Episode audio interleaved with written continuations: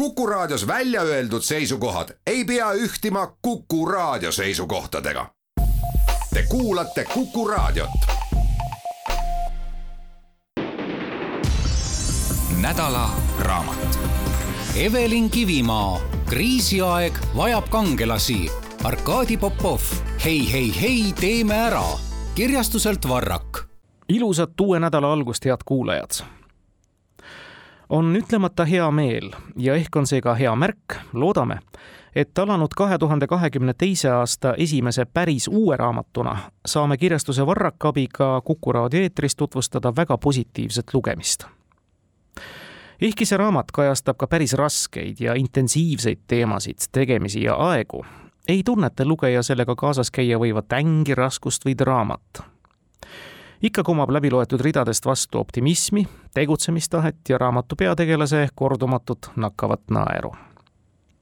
see raamat on suuresti niisiis armastatud arstist ja tervishoiujuhist doktor Arkadi Popovist. jah, võib öelda küll, et tegemist on tema eluloo raamatuga, aga mitte ainult autor Evelin Kivimaa on liigendanud meie nädala raamatu laias laastus kolmeks. esmalt esimene koroonalaine, millest meie raamat algab ja mis kajastab Arkadi Popovi ja tegelikult meie kõigi elu alates kahe tuhande kahekümnenda aasta veebruarist kuni sama aasta varajaste suvekuudeni. see on tegelikult üks väga tõsine lugemine ja suurepärane sissevaade sellesse, kuidas Eesti Vabariigi ajaloo esimese eriolukorra aegu kriisi tegelikult juhiti nii operatiivtasandil Terviseameti laudade taga kui ka laiemalt riigi tasemel ja see on ka väga õpetlik lugemine sellest, kuidas kriisi juhiti ja milliseid juhtimisvõtteid või otsuseid edaspidi kindlasti rakendama ei peaks. selles peatükis on lisaks Arkadi Popovile olulisteks tegelasteks ja rääkijateks kõik esimese koroonalaine olulised figuurid terviseameti toonane juht Merike Jürilo, Arkadi Popovi parem käsi kriisistaabis kolonel-leitnant Ahti Varblane, Martin Kadai ja paljud teised riigi tasemel mõistagi sotsiaalminister Tanel Kiik, aga ka näiteks enesevalitsemise kaotanud ja doktor Popovi peale karjunud toonane peaminister ja eriolukorra juht Jüri Ratas ja ka paljud teised. meie nädalaraamatu põhjalikem osa on Arkadi Popovi lugu, tema sirgumise ja arstiks saamise lugu kuni tänase päevani välja ja siin on mõistagi kõrvaltegelasi palju ja see on üks väga armas, soe ja südamlik lugu vene rahvusest noormehe kasvamisest, õpingutest ja saamisest tipparstiks ning võrratuks organisaatoriks, loojaks ja korraldajaks nagu öeldud, see meie nädalaraamatu mahukaim osa ühes unikaalse fotomaterjaliga ja muidugi saab lugeja siin ka nalja nabani kogeda. raamatu kolmas osa on kõige õhem muutunud maailm ehk siis see aeg, kus me praegu elame ja toimetame ning Arkadi Popov juba uusi sihte seab. täna siis Lääne-Tallinna Keskhaigla juhina. sekka ka mõtisklusi teemadel, miks sai koroonast pandeemia ja mida kõike peaks tulevikku silmas pidades tegema teisiti. raamatu lisadeks on doktor Popovi ametlik curriculum vitae ja korduma kippuvad küsimused ikka koroona teemadel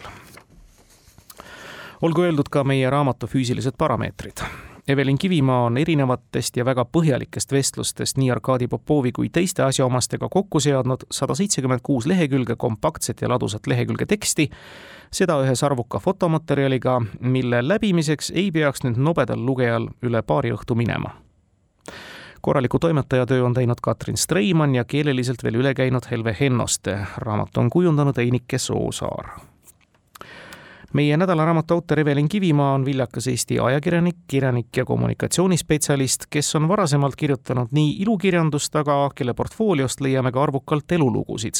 näiteks Arvo Kukumägist, Üllar Jürbergist, Sirje ja Väino Puurast, aga näiteks ka šamaanist Evald Piirisillast. no see viimane nüüd päris elulooline raamat ei ole, aga las ta jääda nüüd siis raamat armastatud ja tundub, et alati naerusuisest doktor Arkadi Popovist üsna nõudliku lugejana tuleb siinkohal tunnistada ehk, et meie nädalaraamat võib-olla rõhutan, võib-olla, on pisut rutakalt kirja pandud ja neid nii-öelda traagelniite või kiirustamise jälgi on lugedes veidi tunda. aga see ei häirinud otseselt ja võib-olla see on lihtsalt ühe nõudliku lugeja tunnetus. ja kui nüüd veel midagi kritiseerivat ära tuua, siis võib-olla ehk see teadmine, et võib-olla on see raamat Arkadi Popovist liiga vara kirja pandud sest doktor tähistas mullu alles oma viiekümnendat sünnipäeva ja tundub, et on oma tegutsemist tuhina ja karjääri tipus. aga samas kui nüüd oodata doktor Popovi pensionipõlve või emeerituse staatuseni, kas see raamat meile üsna värskest ja no mis me räägime, siiani kestvast koroonakriisist viieteist, kahekümne, kahekümne viie aasta pärast samamoodi meid kõnetaks? või doktor Popovi isik just koroonakriisi aegse juhtfiguurina? Kas me näiteks täna võtaks kätte sama innuga raamatu, mis räägib tuhande üheksasaja viiekümne kaheksanda aasta lastehalvatuse epideemiast Eestis? vist ei võtaks ja siit ka siis põhjus, miks meie nädala raamat täna või õigemini küll eelmise aasta viimastel päevadel trükivalgust nägi. meie nädalaraamatu persoon on niisiis armastatud arst ja tänane haiglajuht Arkadi Popov. Ei saa öelda, et enne Covid-19 viiruse tulekut oleks olnud tundmatu persoon. oi ei, üldse mitte erialaringkondades oli ja on ta vägagi tuntud isik, energiline ja innovaatiline mõtleja ja korraldaja, Põhja-Eesti Regionaalhaigla kiirabikeskuse looja ja ülesehitaja ning selle juht, kes ka ise praktiseeriva erakorralise meditsiini arstina nii-öelda käsi soojas hoidis. Mees, kes kõigest uuest ja arstide tööd ning haigete seisundit kergendavast kahe käega õhinal kinni haaras ja selle meie oludele vastavaks kohendas või suisa ise nullist lõi meie reanimobiilibrigaadide varustus või telemeditsiin ja neid asju on ju veel, tegi ja teeb siiamaani silmad ette ka Lääne-Euroopa erakorraliste meditsiinibrigaadide omale. see oli ja on üks doktor Popovi teeneid Eesti meditsiinisüsteemile ja teine suurem, mitte et sellega need doktoriteened lõpeksid, on kahtlemata tema suurepärane organiseerimisvõime, mis on lubanud praktiseerida Eesti meedikutel erinevatel õppustel oma katastroofimeditsiini oskusi Arkadi Popov on selliste õppuste korraldamisel olnud tegev nii makro- kui ka mikrotasandil, alates siis suurlegendist ja logistikast, lõpetades pisikeste tõetruude legendide kirjutamisega üksikute viga saanute traumadeni välja.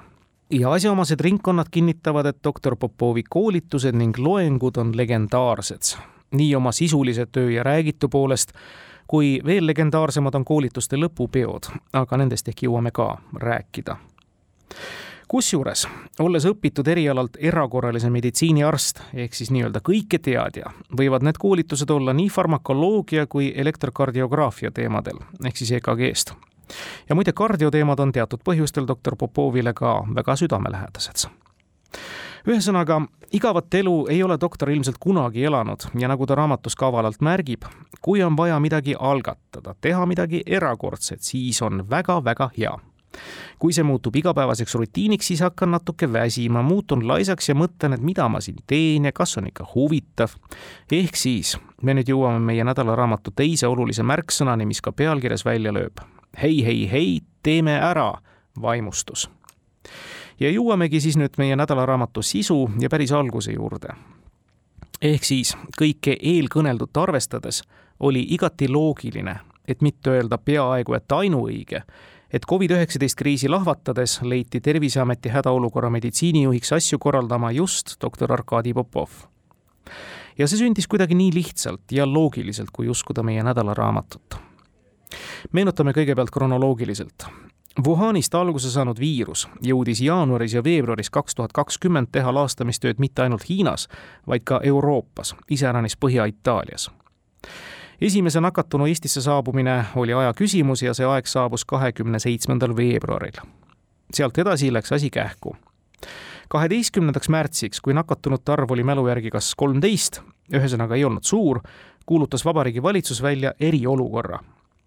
Ja hoopis teise staatuse omandanud Terviseamet kuulutas tervishoius hädaolukorra välja päev hiljem ning seadis sisse ka kohustuse kõikidel haiglatel koroonapatsiendid sisse võtta seni oli see kohustus vaid haiglatel, kes olid eraldi nakkusosakondadega ja seda nõuet kõigile Eesti haiglavõrgu haiglajuhtidele tutvustades temaatilisel koosolekul vaatas Terviseameti juht Merike Jürilo saalis ringi. jätkan tsitaadiga. Kohal olid haiglavõrgu arengukava kõigi haiglate ja kiirabide esindajad. ja siis sa näed, et tegelikult päris hästi vist ei ole kahele kolmandikule kohale jõudnud, mis olukorras me võime lähinädalatel olla küsisin valmisoleku kohta ja kuulsin, kuidas üks maakonnahaigla ütleb, et tema ikka ei taha neid patsiente vastu võtta. mul läksid silmad aina suuremaks. Vaatasin otsa doktor Arkadi Popovile ja doktor Peep Talvingule, kes mu vastas istusid ja sel hetkel sain selgelt aru, et nüüd on ainuke võimalus kaasata hädaolukorra meditsiinijuht, et ta võtaks tervishoiusektori juhid ja asutused ükshaaval ette, heas mõttes. tsitaadi lõpp kaalumisel oli mitu nime. doktor Peep Talving, läbi käis ka PERHi reanimobiili osakonna juhi doktor Andrus Remmelga nimi, aga üsna varsti jõuti igati loogilisele arusaamale, et see kõige õigem on Põhja-Eesti Regionaalhaigla kiirabikeskuse juht doktor Arkadi Popov, kes ise pikka järelemõtlemisaega ei vajanud. teeme ära, oli eht Arkadi Popovilik vastus. head kuulajad, kui meenutada varsti kahe aasta tagust aega, varakevadet kaks tuhat kakskümmend, mis teile emotsioonidest esimesena pähe tulevad? Mure, äng, hirm, kõik nad koos ehk, tulenevalt suurest teadmatusest ja tõesti seisust, kus kõik oli uus ja tundmata. välja kuulutatud eriolukord, Covid viirusesse nakatunute kasvav, küll tagantjärele vaadates ja tänasega võrreldes üsna väike arv. aga suletud riigipiirid, sadamatesse seisma jäänud laevad, välismaal lõksus olevad kaasmaalased, suletud laste mänguväljakud, koheselt pead tõstnud koroonarassism lakkamatu ja leviv desinfitseerimisvahendite hais. ja maske polnud saada ning haiglates valmistuti halvimaks. vast aitab, neid negatiivseid tundeid ja mõtteid oli tõesti palju ja väga erinevaid olukord oli absoluutselt uus ka Eesti Vabariigi Terviseametile, keda laiem avalikkus teadis ehk ainult seni kui manitsejat ja mõõtjat, kui kusagil juhtus olema õhu- või mürasaaste liiga kõrge. ja kes ka keskmiselt kord aastas andis läbi pea epidemioloogi teada sellest, et gripilaineks tasub valmis olla nüüd aga tuli silmitsi seista epideemiaga, hädaolukorraga ja haarata kogu Eesti tervishoius ja tol hetkel võrdus see vaat et kogu ühiskonnaga kriisi ohjaja ja mis põhiline, suures teadmatuses ka juhtiva teavitaja positsioon. ja kõike seda arvesse võttes osutus kümnesse see valik, mis sai Terviseameti peadirektori Merike Jürilo digiallkirja juba nelikümmend viis minutit pärast seda, kui raamatukangelane andis nõusoleku asuda Terviseameti hädaolukorra meditsiinijuhi ametisse sest erinevalt võib-olla paljudest seal majas, kes esmakordselt taolises olukorras toimetasid ja päev-päevalt ning tund-tunnilt koosolekuid pidasid, et lahendusi otsida, teadis Arkadi Popov kohe, kust pihta hakata ja mida teha. raamatus on see seik märgitud muhedalt ja äkki isegi liiga tagasihoidlikult. Popovi ametisse määramise päeval, niisiis kahekümne kolmandal märtsil, tsiteerin kell kümme õhtul seda käskkirja vaadates adus ta, et järgmisel päeval peaks juba midagi tegema Läksin kabinetti ning tegin plaani ja esitluse, mida peab Eesti tegema, et võita pandeemia. see valmis kiiresti, umbes tunniga. presentatsioonid on minu ala, teen neid ruttu, kinnitab Popov. tunniga oli võimalik plaan teha muidugi vaid tänu varasematele kogemustele ja teadmistele. Arkadi Popov on õppinud suurintsidentide meditsiinilise juhi ja toe instruktoriks ja selle metoodika käsitleski meedikute käitumist suurõnnetuse ajal. ja selle teadmise peale valmisid tal ka vajalikud slaidid Nende slaidide abil pöörati ka senised tööpõhimõtted ümber. taas tsiteerin. võtmeküsimus oli juhtimine ja käsuliinid. number üks, tuleb tekitada meditsiinistaap, millele alluvad kõik haiglad ja kiirabid. haiglad jaguneksid omakorda lõuna- ja põhjameditsiinistaabi vahel. samamoodi tuleks luua põhja- ja lõunakriisistaap. haiglad, kiirabid alluvad oma regiooni staabile, et tegevus oleks koordineeritud. miks staapi üldse vaja on? selleks, et lihtsustada ja kiirendada juhtimist doktor Popov meenutab. varasemad koosolekud, kus kogu Eesti meditsiin oli laua taga, olid rohkem informatiivsed. terviseamet rääkis, et nüüd on meil uus viiruse definitsioon või et otsustasime testida niimoodi ja nii edasi. konkreetset juhtimist enne ei olnud. haiglatele öeldi, et tehke ise, mida vajalikuks peate ja eks me saame koos hakkama, me oleme kõik ju tublid minu plaan oli luua juhtimisstruktuur ülevalt alla, et on keegi, kes otsustab, koordineerib ja viib osalised kokku nii et operatiivsel tasandil tegutseb neli staapi ja kõrgem tase on siis Terviseameti meditsiinistaap. Merike Jürilole see plaan sobis. okei okay,, läheb käiku. järgnes Terviseameti kriisistaabi koosolek. ruum polnud kuigi suur, õudselt umbne staap oli seal tegutsenud ligemale kaks kuud ja inimesed olid sellest juba väsinud. laua ümber istus hulk rahvast, siis istusid paljud veel teises reas, kokku kakskümmend viis kuni kolmkümmend inimest. kõik kordamööda rääkisid, võimatu oli aru saada hierarhiast, kes mille eest vastutab, kirjeldab Popov. tsitaadi lõpp selle plaani käikuminek ei tähendanud muidugi, et tööpäevad oleksid läinud staabis lühemaks, küll aga nad läksid selgemaks Arkadi Popov sai paremaks käeks kaitseväe taustaga kolonelleitnandi doktor Ahti Varblase, kellega koos moodustati AA klubi, nagu neid naljatamisi staabis nimetati. ja meie nädala raamat on kuhjaga ning tihedalt täis kirjeldusi doktor Popovi ja doktor Varblase esimestest ja järgmistestki tööpäevadest no näiteks sellest päevast, kui koroonaviirus nõudis Eestis esimese inimese Hiiumaalt pärit eaka proua elu. See kõik on väga õpetlik lugemismaterjal ja sissevaade ühe tõeliselt tegusa tippjuhi argipäeva aga seda lugedes saab ka lugeja teada sellest õigest teeme ära suhtumisest töösse, mis ei jäta isegi aega klaeblemiseks stiilis palju tööd ja vähe aega. muidugi sai üsna kohe selgeks, et algne plaan tulla hädaolukorra meditsiinijuhiks poole kohaga Popovil ei realiseeru ta oli pidevalt rattas ja tegelikult heas sõiduvees, andes korraldusi staabis, vedades koosolekuid, esinedes meediale ja külastades ka haiglaid ning kiirabibrigaade üle kogu Eesti doktor Popovi säästis ja hoidis kindlasti kareel tema üüratu kogemus kiirabiarstina, kus ta oli harjunud pärast öist pingelist vahetust alustama ka pingelist nii-öelda tavalist tööpäeva juba siis kiirabikeskuse juhina. aga mitte kõik polnud Terviseameti staabis sellest rauast tehtud meie nädalaraamatus saab põhjalikult sõna ka Karena Leiger, kes kuulus Terviseameti viieliikmelisse kriisimeeskonda, kelle tööpäevad koroonakriisi tõttu hakkasid intensiivsemaks muutuma juba jaanuaris rahva infovajadus üha kasvas. surve meile, kes me seda infot pidime välja andma, oli üüratu. veebruar oli juba täitsa hull juba, räägib Leiger. seletasime koroonaviiruse olemust, et ta on igavesti laisk, ei lenda kaugele, sellepärast see kahemeetrine distants ongi pandud. ning kui peseme käsi, siis tema rakukestakene läheb katki ja nakkusohtlikku info laguneb laiali. see ei ole tuumafüüsika, vaid on imelihtne. peseme käsi ja hoiame distantsi ent lisaks sellele küsiti Terviseametist nõu igasuguste asjade kohta, kuni selleni välja, et kuidas ja mis vahenditega tuleks pindu puhastada. Tegime algselt viiekesi sadu koroonakonsultatsioone kõikvõimalikele asutustele erialadel, haridus, kultuur, ürituskorraldus, turism, transport, igalühel on erinevad tingimused, räägib Leiger. surve oli meeletu, elanikkonnal oli ootus, ent me ei ole robotid. me tõesti ei jõua kuude viisi kogu aeg olla adekvaatsed ja vastata. aga see nõudmine oli ja me proovisime seda täita suuremal või vähemal määral. Kui ei ole varasemat pingetöö kogemust, siis põled väga kiiresti läbi. see oli täiesti tavaline, et inimesed nutsid, meenutab Leiger. ja muidugi see surve, et kõikvõimalikud ürituste korraldajad, suure publikuga võistlustest alates ja kooliekskursioonidega lõpetades, igaüks neist helistas just Terviseametisse kellelegi sellest viisikust ja küsis, kas võib ning kuidas võib olgu öeldud, et Karena Leiger oli ka see õnnetu inimene, kes andis loa Saaremaal toimunud kurikuulsale võrkpallimatšile itaallastega, kust lähtus kogu saare kinni pannud koroonapuhang ja kogu Eestit vallanud pahameel. tagantjärele selgitab Leiger raamatu autorile järgmist. mina ei teinud ühtegi otsust, need sündisid keskselt sel ajal muutus info minutitega ja oli vahel vastandlik, väga keeruline olukord. otsuseid langetati selle hetke parima info põhjal mõni päev varem, kahekümne seitsmendal veebruaril oli Sotsiaalministeeriumis otsustatud, et üritusi ei keelata. tsitaadi lõpp. Karena Leiger kukkuski omadega kokku, kui talle selle nõusoleku eest tagantjärele avalikku kriitikat tulvana kaela tuli riigi tasandil läks mölluks selles mõttes, et vajadus pildil olla tekkis isikutel, kes võib-olla muidu pildil ei ole või on teistes ülesannetes seetõttu tekkis meil majasiseselt väga palju pingeid ja lisatööd. ei olnud koostööd, vaid tekkis valitsuse tasandil vastandumine, sõnab ta tagantjärele. sellisel ajal, kui sa soovid suure venna seljatagust, et saaksid oma tööd teha, seda ei olnud, vaid sealt tuli lisaks veel noolekesi. inimestega käituti nagu prügiga. isegi prügi sorteeritakse tänapäeval hella käega, aga see, mis seal toimus, kolm punkti.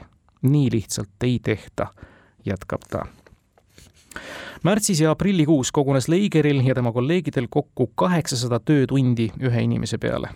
see tõi enesega kaasa selle, et kusagil nädalaga läks Leiger peast täiesti halliks. kõik läksid halliks, täpsustab ta ise ja ütleb seda sõna otseses mõttes olgu öeldud, et Leiger oli neil päevil kolmekümne üheksa aastane ja hall pea ei olnud ainus füüsiline tüsistus, mis nendest kuudest talle jäi. aga jah, sellised nägid nii umbeski välja need päevad Terviseameti staabis aga kuidas nägid need päevad välja kogu Eestit eriolukorra aegu kõrgendatud volitustega juhtinud valitsuses? sellest pajatab meie nädalaraamat mõnevõrra vähem, aga toob välja märksõnad või laused või viited, mis on väga kõnekad. jätkangi ühega neist, kõneleb raamatukangelane doktor Arkadi Popov koroonakriisi esimese laine murdepunktis aprilli lõpul ja mai algul oli õhkkond üsna närviline konsulteerisime staabis hunnikut ministeeriume, kes igaüks saatis meile oma valdkonnas leevenduste rakendamise plaani. see oli hullumeelne tegevus. hunnik dokumente, mida me pidime kommenteerima ja läbi arutama iga valdkonna kohta. kuidas lapsed peavad koolis käima, kas praamil tohib olla pood avatud ja nii edasi. delikaatne küsimus oli Saaremaa, mille elanikud tahtsid kiiresti leevendusi ja kirjutasid igale poole, ka Terviseametile järjekordsel pressikonverentsil küsis üks ajakirjanik Saaremaa kohta, kas leevendused tulevad ja rohkem inimesi saab praamiga reisida mul oli kõigi nende nõustamistega selleks ajaks ilmselt juba liiga palju infot ja meelde oli jäänud, et see on justkui juba otsustatud, mingi leevendus tuleb. ütlesin, et meil käivad läbirääkimised selle üle ja võib-olla midagi muutub, kirjeldab ta oma vastust, mis ka siis meedias ilmus. Tegelikult ei olnud veel midagi kokku lepitud, see mõte oli vaja ülespoole serveerida, et valitsus otsustaks. möödus neli-viis tundi kella seitsme ajal õhtul istusime staabis, kui Kiik helistas Merikesele, et ta luges Postimehest, kuidas Popov ütleb, et Saaremaa peab lahti tegema, itsitab Popov. mingil hetkel helistas mulle peaminister Ratas. see oli esimene ja viimane kord, kui ta karjus konkreetselt minu peale. olin jumala rahulik, et ütlesin, et mis ma ütlesin, ikka juhtub tegelikult ma tõesti arvasin, et seal võiks teha rohkem leevendusi. Ratas karjus, sina siin ei otsusta, mina otsustan ta ütles, et minu pärast istuvad nad valitsuse kriisikomisjoniga Stenbocki majas juba neli-viis tundi ja arutavad, mida Saaremaaga teha, sest mina ütlesin selle juba välja. vastasin, jah, eksisin ilmselt, täiesti õige. lõpetasime kõne. pärast tegime staabis nalja, et mida nad siis istuvad, viis tundi, kas ei oska otsustada? õhtul helistas Ratas uuesti ja vabandas, et ta mulle peale hüppas. Me rääkisime normaalselt, et arusaadav, kõik on närvis ja mis seal ikka lõpuks tegi kriisikomisjon otsuse Saaremaa lahti teha, aga alates esmaspäevast. parajasti oli reede aga sellest, kuidas riik läbi erinevate ministeeriumide arvas, et ta peaks ka kriisi juhtimises kaasa lööma, tahaks rääkida veel järgminegi kord. head kuulajad, nagu korduvalt mainitud, on meie nädalaraamat niisiis lisaks Arkadi Popovi väga muhedalt ja vahedalt üles täheldatud eluloole ka ülevaade kriisi juhtimisest ja lugejana tuleb autorile Evelin Kivimaale olla väga tänulik, et ta lisaks Arkadi Popovi silmadele räägib tervisekriisi juhtimise esimesed kuud läbi kõigi teistegi juhtimise juures olnud ametnike silmade. ja laiendab seeläbi oluliselt pilti ning annab muuhulgas kätte ka paraku selle tõdemuse, mis on ebameeldiv, et mitte öelda hullemini tõdemuse, mis võib olla küll inimlikult mõistetav, aga kindlasti ka väga taunitav nimelt tõdemuse, kuidas kõik Eestis vähegi juhtival positsioonil olevad isikud ja ametkonnad tundsid järsku, et nad on või peavad olema osalised selle kriisi ohjamisel. ja kui võimalus avaneb, end ka tõesti päikest meenutava kroonviiruse taustalt särada laskma. no eks me kõik mäletame neid pilte läkiläkides poliitikutest lennujaamas Hiina maskilaadungit vastu võtmas meie nädalaraamat neid konkreetseid episoode ei meenuta, aga annab olustikulise pildi edasi Terviseameti staabist tsiteerin, Merike Jürilo ütleb. üks õppetund kriisiajast oligi see, et väikese riigi kohta on Eestis koordineerimistasandeid liiga palju. igaüks kuskil arvab ja otsustab midagi nõupidamisi toimus väga palju eri tasanditel, ministeeriumis, valitsuses ja ka mujal. mul tekkis ikka küsimus, kas kellelgi on aega ka kriisi juhtida ja tegeleda päris asjadega. ühel hetkel avastasin, et mingid inimesed seisavad Terviseameti koridoris. kes nad on, kuidas nad sisse said? Selgus, et keegi kuskil oli otsustanud, need inimesed lähevad appi. kõik tahtsid olla pildil, kõik tahtsid rääkida, aga päris töösse suutsid panustada vähesed. ja see tekitaski tunde, et ühel hetkel seisad ja mõtled, et vabandage, mis siin toimub. tsitaadi lõpp. üks iseloomulik näide veel ja nüüd juba Ragnar Vaiknemetsalt, kes täitis hädaolukorra juhi kohuseid just Terviseametis ja taas tsiteerin peaaegu kõik ministeeriumid ja paljud allasutused saatsid kohale üks-kaks esindajat, kirjeldab ta. Nad sagisid ringi Terviseameti neljandal korrusel ja küsisid, mida nad tegema peavad, antagu neile ülesandeid või pärisid mingeid asju. mäletan ühte hetke, kui Merike Jürilu lihtsalt seisis keset seda tohuvapohu. keegi küsis temalt, et kui see viirus nakatab ka pindadelt, kas peaks siis ka raamatukogud kinni panema? Merike vaatas talle otsa ja kõndis lihtsalt minema küsijaid oli rohkem kui vastajaid ja Terviseamet mattus kohe päringutesse. umbes nädala jooksul saadeti Terviseametisse aina appi inimesi, kellele katsuti siis ülesandeid leida. püüdsime delegeerida, näiteks anti eksperdile, kes peaks mingit tööliini vedama, korraga appi viis inimest eri ministeeriumidest, selgitab Vaiknemets aga kui too ekspert ei ole kunagi teisi juhtinud, siis on see talle täiendav pinge. ta rohkem juhendab, kui saab tegelikku tööd teha. abikäsi anti paariks nädalaks tegeled suure osa ajast kellegi väljaõpetamisega, siis ta läheb ära ja tuleb uus inimene. kogu selle juhendamise kõrvalt sa ei saa tööd tehtud, sest abilised ei jõua tööd selgeks õppida, enne kui nad ära lähevad. tsitaadi lõpp loomulikult ei taha siinkohal nüüd neid püüdlikke ja enamuses tõesti siiralt aidata tahtnud ametnikke ja ministeeriumi jäädagi halvustama, sest oligi nii segane ja teadmata sisuga kriisiaeg ja tõesti tuli teha otsuseid, mis väga paljusid valdkondi puudutasid. Ragnar Vaiknemets meenutabki raamatus, et korraga tekkis väga palju staape, väga palju kohti, kus midagi arvati, otsustati, mõeldi, need kõik on väga olulised, aga kes siis seda teeb? see läks natukene lappama. saadi aru, et Terviseamet ei saa kõike otsustada. näiteks koolide sulgemisel peab juures olema ka Haridus- ja Teadusministeerium ja nüüdseks, ridade kirjutamise aegu kaks tuhat kakskümmend üks, olemegi jõudnud selleni, et valitsuse käes on koordineerimine, juures on ministeeriumid ja teised asutused ja teadusnõukoda. Taaskord tsitaadi lõpp. ja kujutage nüüd ette, kuidas selle tohuvabohu keskele maandus doktor Arkadi Popov. mees, kes oli õppinud kiiresti reageerima konkreetsele probleemile ja seda parandama aga ka mees, kes oli õppinud ja omas loomupärast annet luua korda, süsteemi ja uutmistega kaasa minna see viimane tuli ilmselt geenidest või väga varajasest soovist ja oskusest näiteks arvutiga programmeerida. Popov suutis konkreetsed käsuliinid tekitada ja need ka tööle rakendada ning asuda ise selle keskel oma ülesandeid täitma ja mitte ainult. kogu oma suhtumisega sai ta tuua staapi mingilgi määral töörahu, nii palju kui see võimalik oli, ja positiivsemat suhtumist kõik raamatu kõrvaltegelased, kriisi tulipunktis olijad toovad kui ühest suust välja väljendeid Popovi aadressil stiilis kui sõõm värsket õhku, uut hingamist ja nii edasi.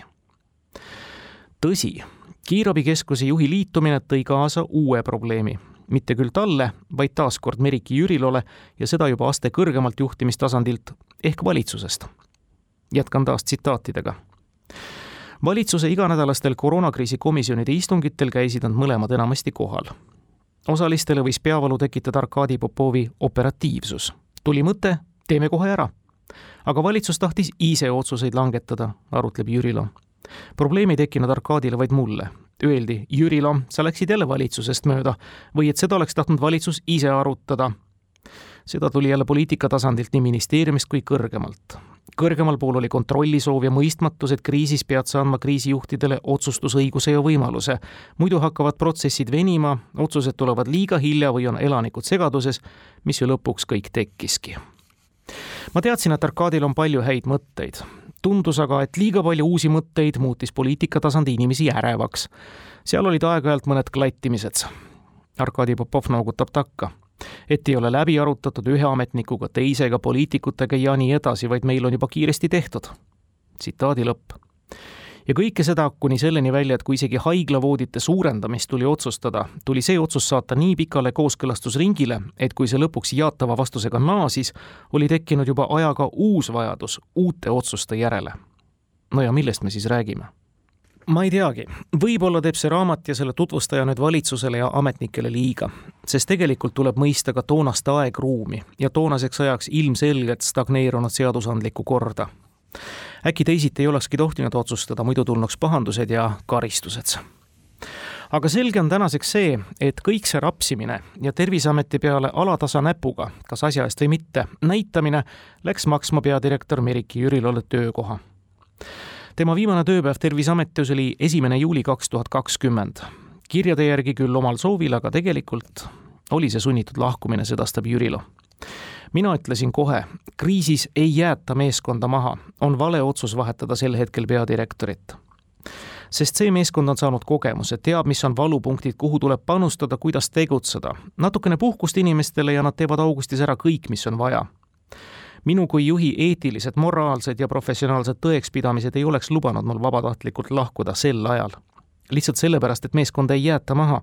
kriisist väljudes on väga paljud inimesed kergelt katki. juhina on sul kohustus toetada inimesi ka kriisist väljumisel, et nad säilitaksid vaimse ja füüsilise tasakaalu, saaksid inimestena jälle jalad alla ja naeratused näkku, räägib ta täna märksa rahulikuma elu ja õpetaja töö ameti kõrvalt aga nüüd, head kuulajad, väikest kannapööret tehes, eks lugeja ja kuulaja teab ju Arkadi Popovi eeskätt särava esinejana meediast ja just nendest aegadest, kus ta ausalt, küll vahel mitte väga häid sõnumeid deklareeris, aga siiski usaldusväärselt seda tegi ja seeläbi turvatunnet tekitas, kui ta meile haigusest ja viirusest kõike rääkis meie nädalaraamatus on terve peatükk pühendatud just Popovi sellele rollile, mis talle lõpuks ka hulk tiitleid ja tunnustusi tõid.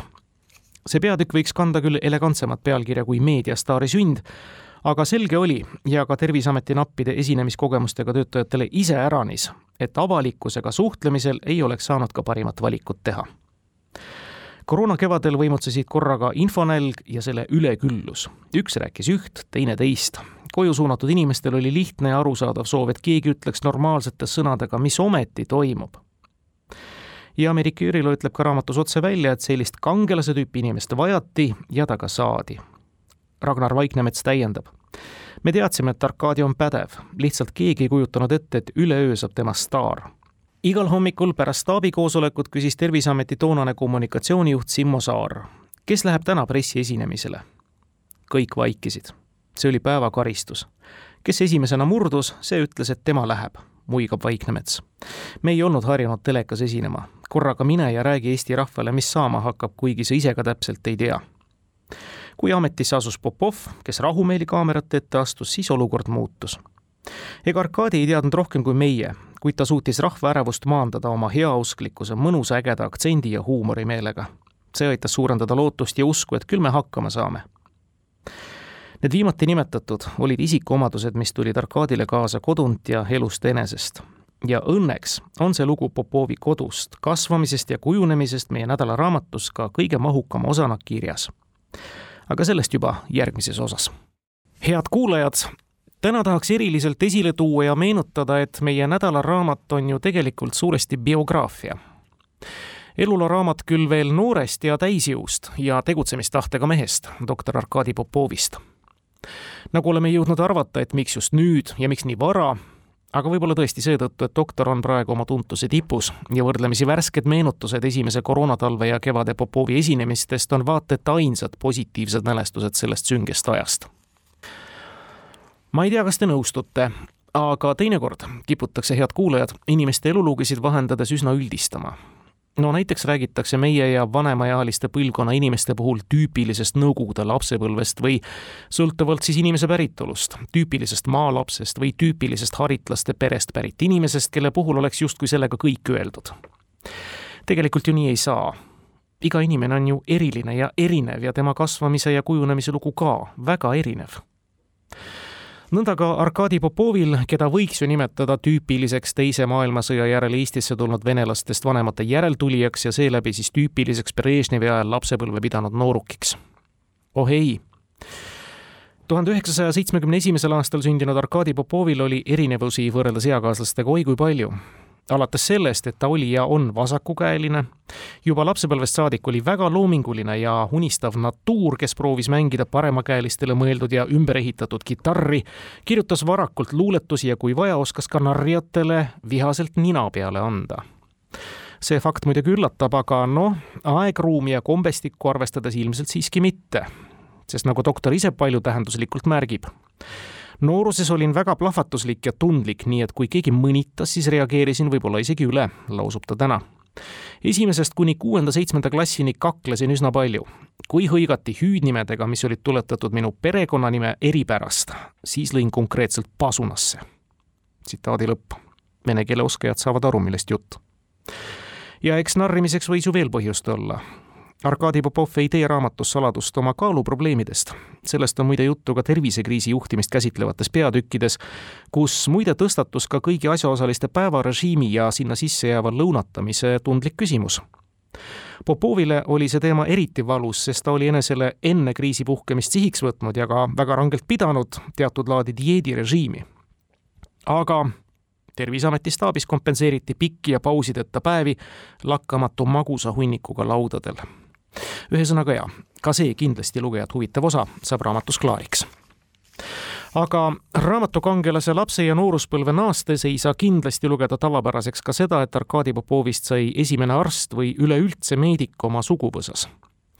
Arkadi Popovist, kes tegelikult oli ja on unistaja, luuletaja ja kitarrimängija, kes hoolimata vastava ande puudumisest läks keskkoolis, noh, tänases Tõnismäe Reaalgümnaasiumis siis reaalainete eriklassi, ega osanud ennast mõeldagi arstikitlisse ja see mõte tuli noorukile üsna järsku ja jäävalt tegelikult šokeeriva kogemuse mõjul.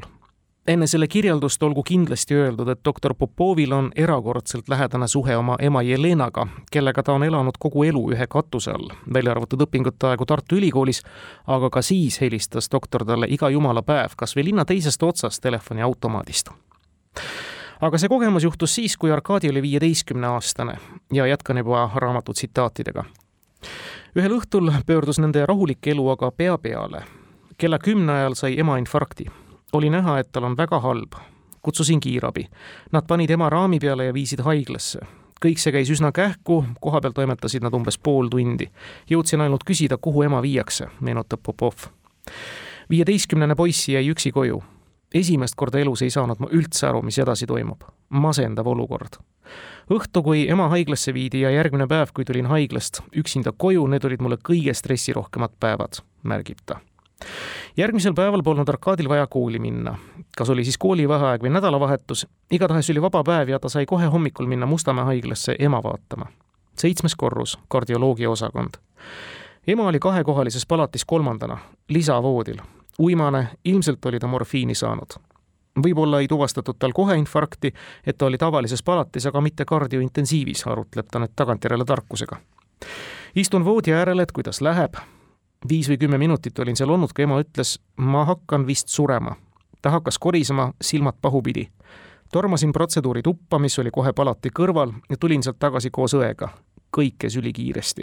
tõmba ema põrandale, kohe. Okei okay,, kas sa oled kunagi elustanud? ei ole. rindkere paljaks ja vaata, siia hakkad vajutama. poiss hakkas ema rinnale suruma, tehes südamemassaaži õde jooksis palatist välja, helistas kardiointensiivravisse ja tuli tagasi kunstliku hingamise vahenditega, et kopse ventileerida kliiniline surm ilma massaažita kestis kakskümmend, kolmkümmend sekundit. peaaegu kohe alustasime elustamist. nii et ilma vereringeta aeg oli hästi minimaalne, räägib Popov. Vajutasin nii kaua, kuni kohale jõudis kardiointensiivi brigaad ja mind aeti palatist välja seisin ukse taga. ilmselt kohe esimese elektrišokiga läks ema süda käima ja ema tuli teadvusele. möödus kümme minutit või vähemgi, kui palati uks avanes ja arstid sõidutasid ema sealt välja, et viia ta kardiointensiivi osakonda ema nägi mind ja ütles, Arkaša, too mulle tualettpaberit. siis lükati ta lifti. kõik.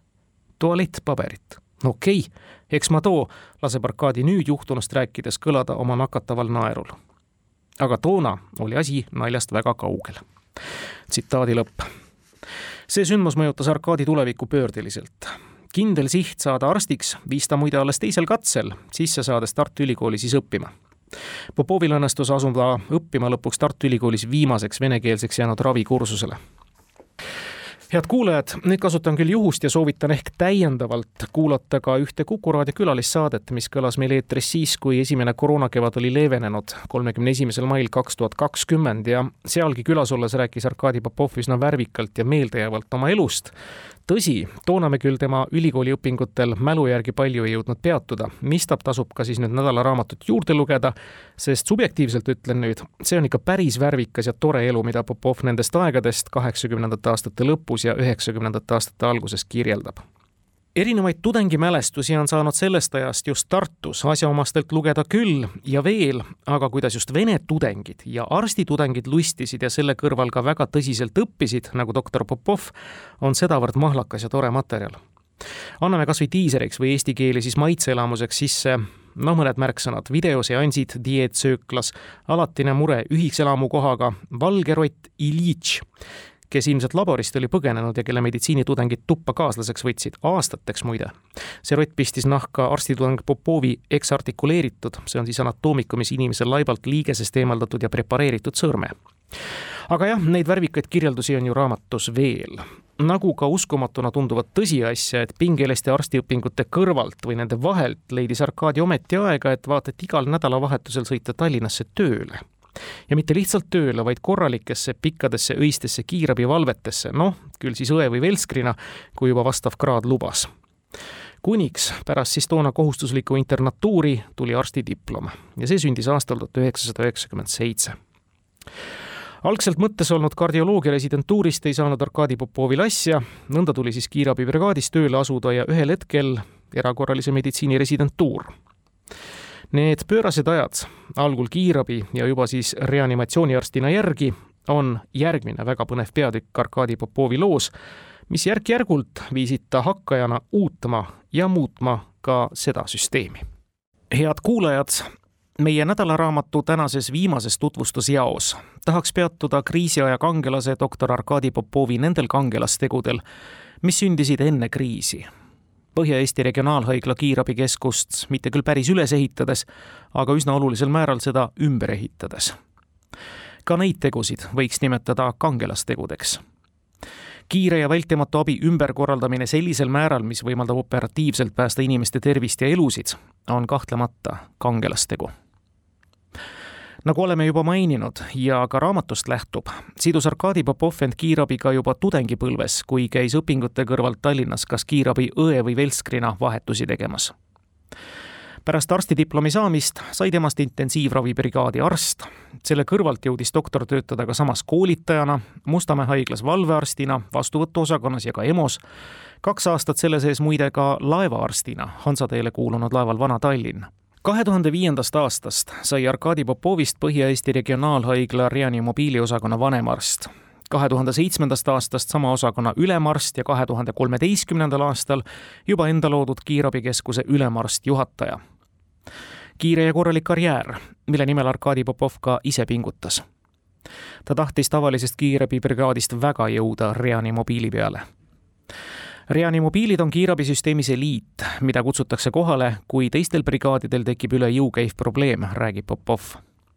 reanimobiilis leidub rohkem tehnikat kui tavalises kiirabiautos hea hingamisaparaat, neli-viis infusioonipumpa, millega saab veeni väga aeglaselt manustada ravimit, ultraheliaparaat ja muud sellist Põhja-Eesti Regionaalhaiglas oli ja on neid tänaseni vaid kaks.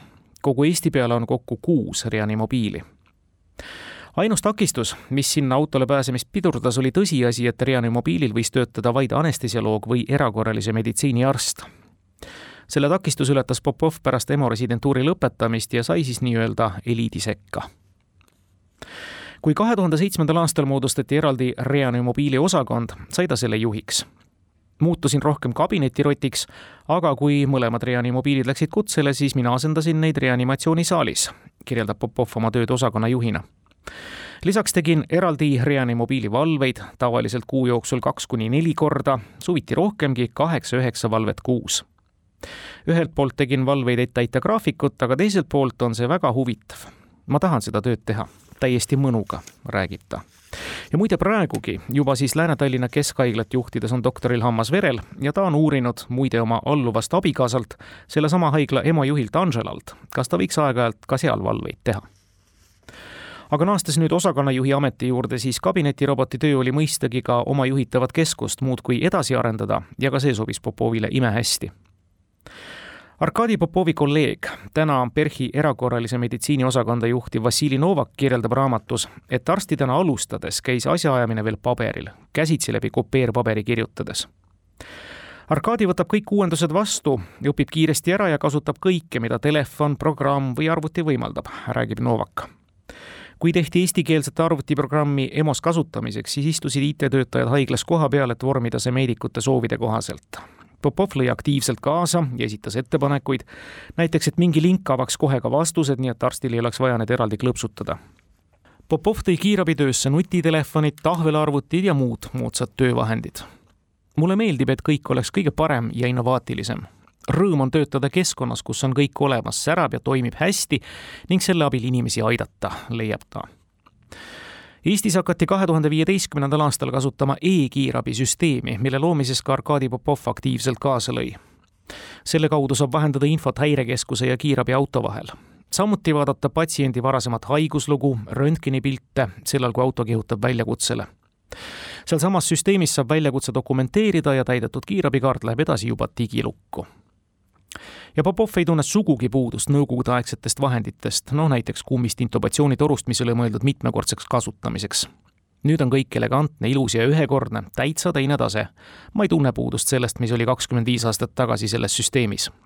Eestis on kiirabis ja EMO-des kõik asjad number üks, kui võrrelda muu maailmaga, kiidab ta täna kiirabiautodesse on kompaktselt pakitud hämmastavalt palju kõrgtehnoloogilist aparatuuri ja muud vajalikku Reani mobiilides on olemas näiteks ka veregaaside analüsaator ja ultraheliaparaat. ja ta rõõmustab edasi. kui tutvustasin meie olukorda Lõuna-Ameerikast ja Hispaaniast tulijatele, siis hakkas neil suu vett jooksma. hästi elatav, uhked autod, supervarustus, väga head defibrillaatorid, telemeditsiini lahendus, vinged hingamisaparaadid Arkadi Popovi visionääri hing tõmbas käima ka Eesti telemeditsiini projekti, mis ilmselgelt on väga paljude kaugete paikade ja eeskätt väikesaarte haigete olukorda parandanud nii et näiteks Hiiumaa kiirabibrigaad saab konsulteerida Tallinnas oleva arstiga, kes näeb monitorilt reaalajas väga täpselt, mis neil seal praegu toimub. Põhja-Eesti Regionaalhaigla alustas kahe tuhande kümnenda aasta lõpus väikesaarte projektiga, et luua kiirabibrigaad Kihnu ja edaspidi teistelegi saartele väikesaari teenindasid põhiliselt reanimobiilid, meedikud lendasid helikopteritega sinna ja vajadusel konsulteerisid, seega läks ka too projekt Arkadi osakonnale. Popov genereeris ideid, kuidas see süsteem võiks toimida ja välja mõtles süsteemi, mida tänini kasutatakse väikesaarte brigaadidesse töötajaid leida oli küll mõnevõrra keeruline, sest kohalikud elanikud ei olnud ju õppinud meedikud.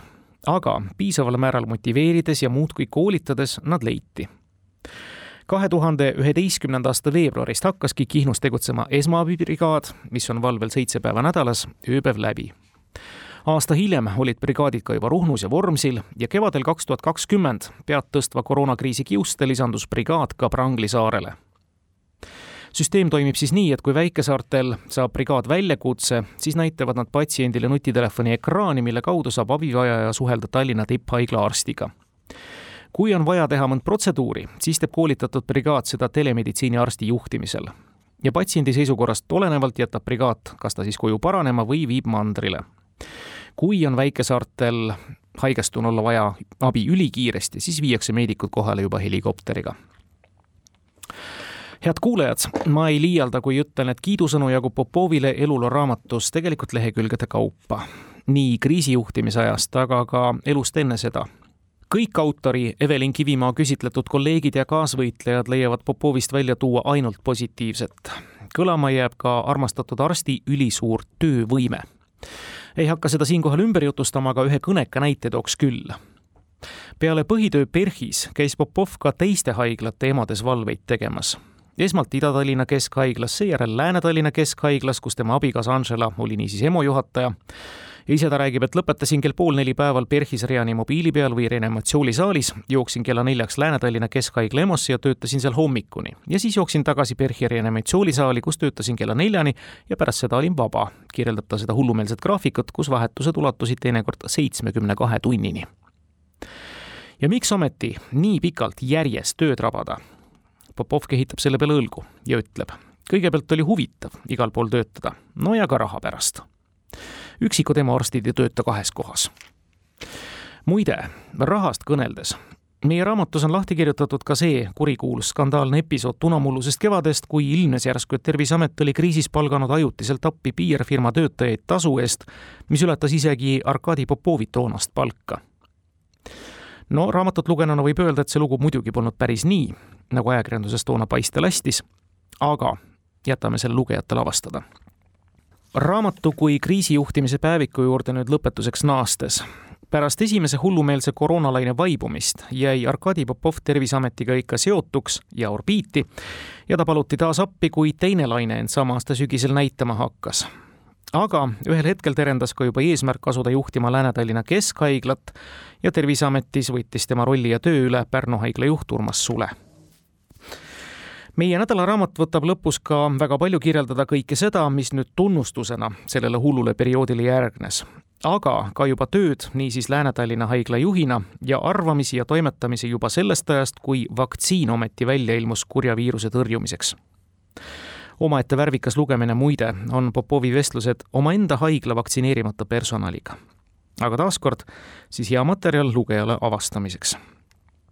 head kuulajad, lõpetades seekordse igati rõõmsameelse nädalaraamatu tutvustamisega, märgime kindlasti ära ka selle, et meie nädalaraamatu ametlik esitus toimub tuleval teisipäeval, kaheksateistkümnendal jaanuaril kell seitseteist Viru Keskuse Rahvaraamatus.